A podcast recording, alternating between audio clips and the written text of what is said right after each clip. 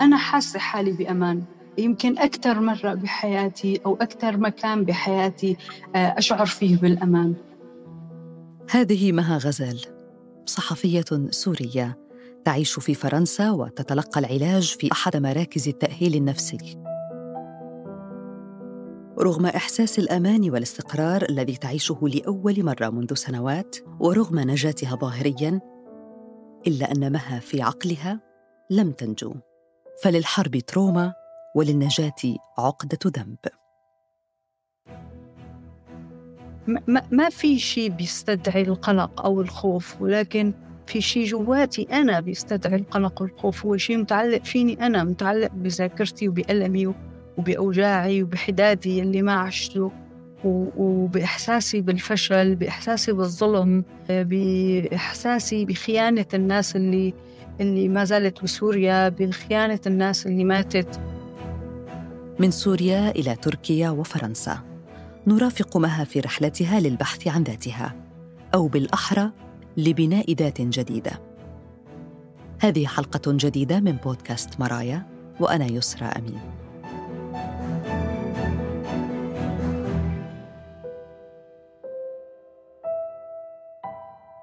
خرجت من سوريا بأول 2014 حضرت أكثر من حرب وأكثر من مجزرة لذلك عندي ذاكرة ثقيلة كتير لها علاقة بالحرب. خرجت على تركيا بطريق كان كتير صعب. تقريبا نحن من ريف دمشق لتركيا تقريبا كنا عشرين يوم حتى وصلنا وكان خطر شديد يعني.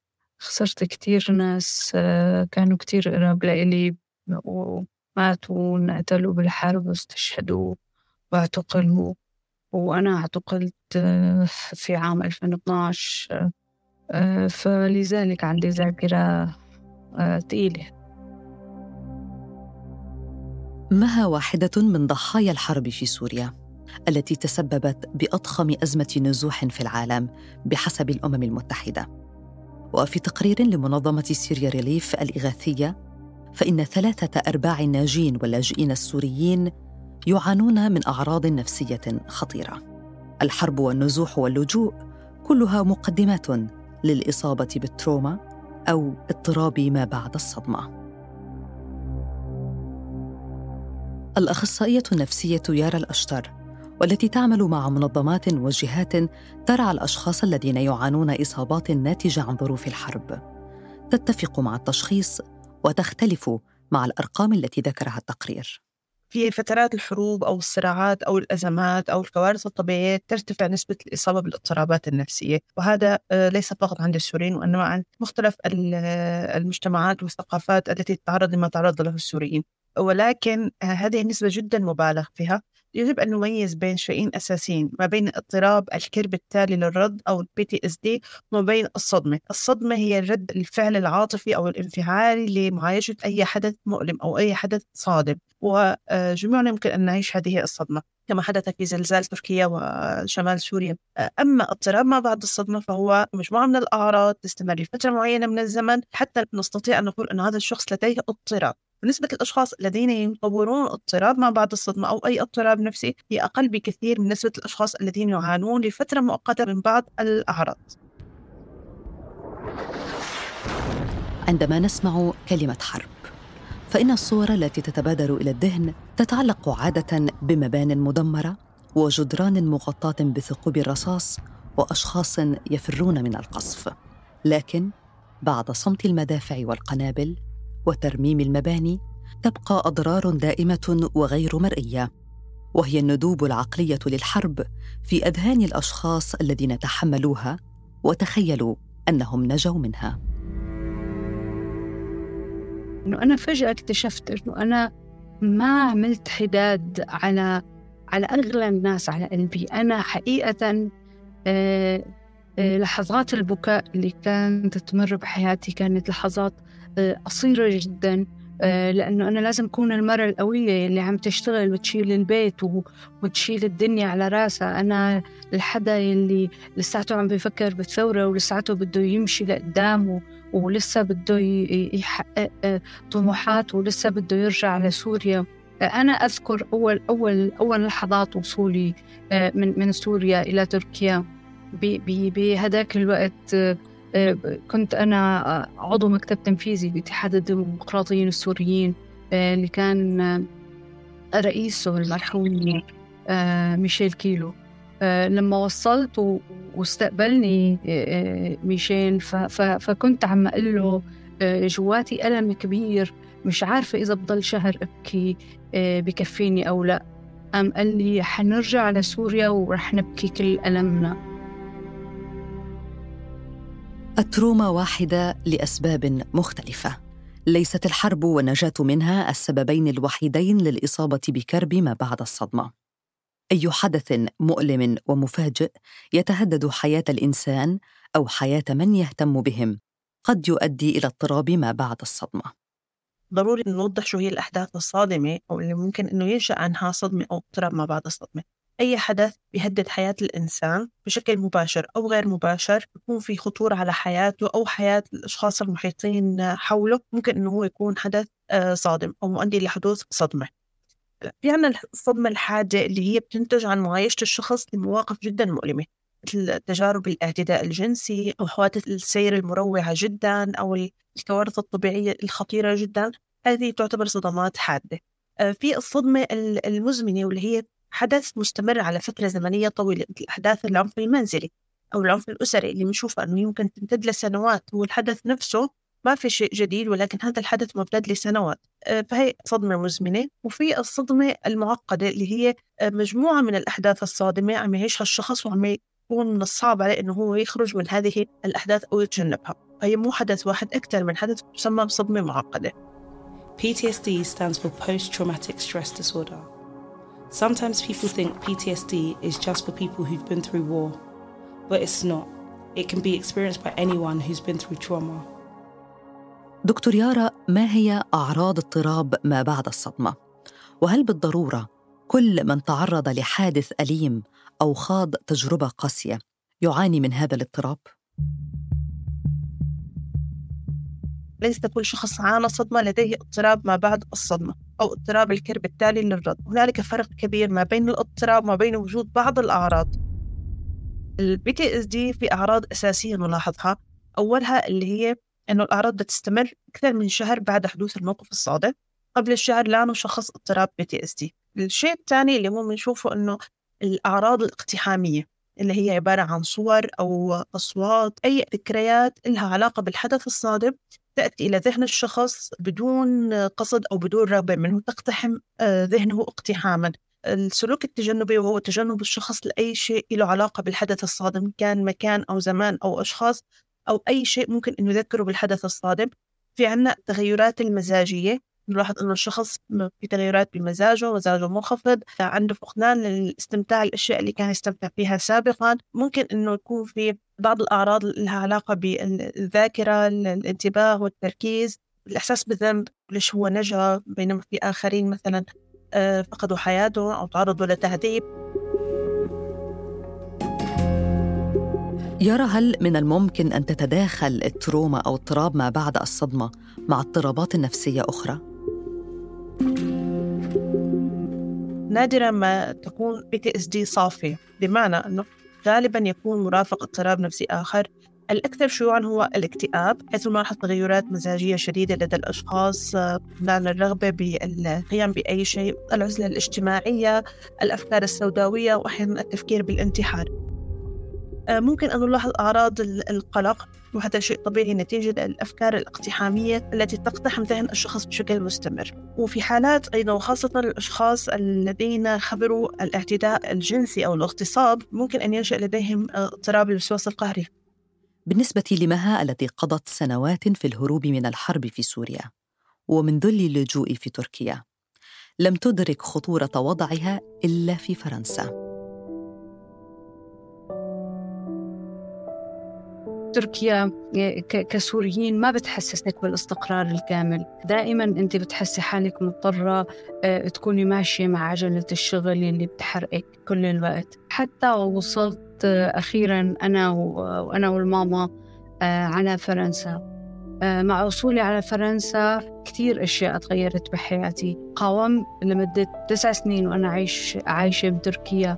قاومت فكرة أني أنا أتحول للاجئة كان بدي ضل أنا عاملة وعندي إقامة عمل وإني أنا عم بشتغل وأنا آه، ماني لاجئة وصلت على فرنسا حسيت حالي وصلت لنقطة النهاية.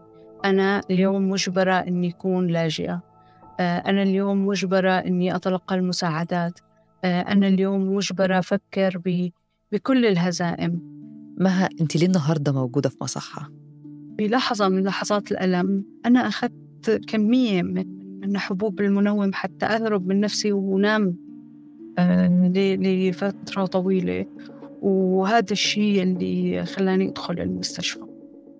ما وقت ما أخذتي الحبوب؟ كانت نيتك النوم ولا الانتحار؟ كانت نيتي الهرب حقيقة. بس هو هو غير مفسر. حقيقة لما بنكون بحالة اكتئاب وبحالة ألم نفسي وبحالة مرض نفسي بتكون الأسئلة صعبة الإجابة. يعني ممكن تسأليني كيف كنت عم بتحسي؟ بقول لك ما بعرف كنت عم كيف كنت عم بحس. أنا كنت عم بحس بألم بس بس أنا غير قادرة على توصيف هذا الألم. آه ليش كنتي موجوعة؟ أه لك كمان ما بعرف. التراكمات طلعت فجأة ليش؟ أه كمان ما بعرف. كيف تصبح النجاة عبئا؟ وكأنك تحمل وزرا لذنب لم ترتكبه فيسيطر عليك الشعور بالذنب وعدم الاستحقاق.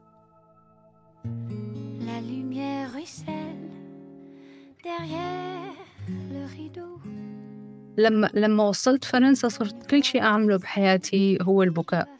كل مكان جميل بفرنسا كل موقع كل طبيعة خضراء جميلة. كل الجمال اللي موجود بأوروبا صار يصيبني بالألم. إذا إذا قدرت سمي حالي من الناجين آه نحن الناجين بصير في عنا ألم مضاعف آه بصير في عنا تأنيب ضمير لأنه نحن نجونا وغيرنا لم ينجو. تحمل عقدة ذنب الناجي مسميات مثل اضطراب الناجين أو متلازمة الناجي وتعد إحدى أعراض اضطراب ما بعد الصدمة PTSD هذه المتلازمة التي تؤدي إلى حالة نفسية من القلق والاكتئاب تصيب الفرد الذي يعتقد أنه ارتكب خطأ ما لأنه نجا من حرب أو من كارثة بينما فشل الآخرون في ذلك. بالحقيقة ليس بالضرورة أنه تتواجد عقدة الناجي عند كل الأشخاص الذين لديهم اضطراب PTSD ولكن وجودها ليس بالأمر الغريب هو أمر شائع أنه الكثير من الأشخاص الذين نجوا أو عايشوا خبرات صادمة ومؤلمة ضمن مجموعة أو مع أشخاص آخرين وهذا الشيء نشوفه آه، بشكل أكبر عند الأشخاص بالكوارث الطبيعية أو الأشخاص مثلا اللي كانوا بالمعتقلات اللي هن خرجوا من الزنازين وتركوا آه، أصدقائهم أو شركاء زنازين وراءهم. الحقيقة أنه غالبا الاضطرابات النفسية غالبا بيكون لدينا تشوه معرفي أو تشوه أو أخطاء تفكير معرفية لدى الأشخاص. فبحاجة في هذه الحالة بحاجة لمراجعة هذه الأفكار ومناقشتها بشكل عقلاني وتصحيح هذه المفاهيم والتشوهات المعرفية لدى الشخص لتجاوز هذه الأفكار المتعلقة بعقدة الناجي في كتاب Finding Life Beyond Trauma أو الحياة فيما وراء التروما لكاتبتيه فيكتوريا فايوليت وجاكلين بيستريلو. هناك إشارة إلى أن مواجهة الألم وقبوله يمكن أن تكون أفضل استراتيجية لتخفيف الألم. المشكلة الكبيرة لما بيكون المرض نفسي أنت ما بتعرفي موقع الألم جواتك ولكن حقيقة هو ألم لا يحتمل. ألم بشعرك في بعض الأحيان بالرغبة بالهروب بس أنت مش عارفة بدك تهربي من شو. أه بدك تهربي من ذاتك بدك تهربي من حالك بدك تهربي من ذكرياتك بدك تهربي من كابوس مرافقك عشر سنين وأنت مش قادرة تتخلصي منه. أه أنا عشر سنين عندي كابوس يومي مرافقني. أه أنا عم بمشي على أه لأدخل الشام وعم بهرب من الحواجز النظام بمداخل دمشق. وغير قادرة على دخول دمشق. عشر سنين وأنا وأنا بهذا الكابوس.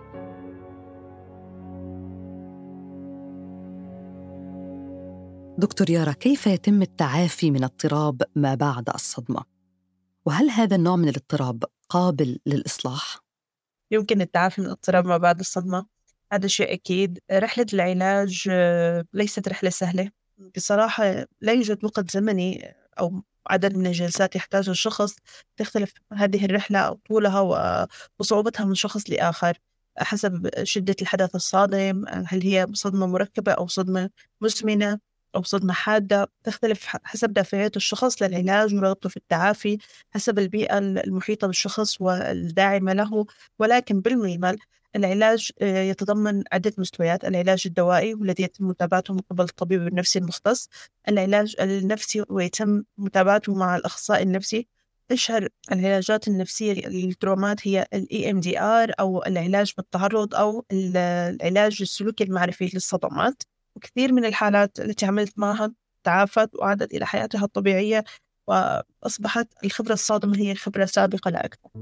المشهد قاتم ولكن الدعم النفسي والمجتمعي قادر على تحويل اضطراب ما بعد الصدمة من أزمة نفسية ومحنة إلى نقطة بداية وتنمية جديدة للشخصية. أنا ما زلت أحاول بناء مهن جديدة أنا أنا ما زلت بمصحة للأمراض النفسية بفرنسا. بصراحة كان الاهتمام كتير عالي. أنا ما زلت عم بشتغل مع معالج نفسي ومع محللة نفسية ومع طبيبة نفسية استعملوا آه، معي عدة آه، أساليب بالعلاج منها العلاج بالمساج والعلاج بالموسيقى ومنها التحليل النفسي وبالإضافة للعلاج بالأدوية واللي هو بيكون علاج مركزي ورئيسي. أنا بعرف إنه في كتير ناس بسوريا يمكن عم بيشعروا بمشاعر أشد من اللي أنا عم بحس فيها وهن غير متوفر لهم هذا الترف اللي اللي متوفر لإلي أتمنى أنه يكون متوفر لكل شخص بالعالم آه هاي العناية. آه اليوم صرت بعرف أنه ما عاد في سبيل للعودة لمها آه، اللي كنت بعرفها. أنا اليوم بصدد تكوين مها جديدة قادرة على على الصراع مجددا بطريقة مختلفة. قادرة على تفهم الحياة. الحياة ما بعد الصدمة. تتطلب بناء هوية جديدة ترمي الماضي وراء ظهرها ليصبح جزءا صغيرا من ذات حرة وقادرة وقوية. وهو ما تفعله مها الآن. أنا يسرى أمين وهذا بودكاست مرايا.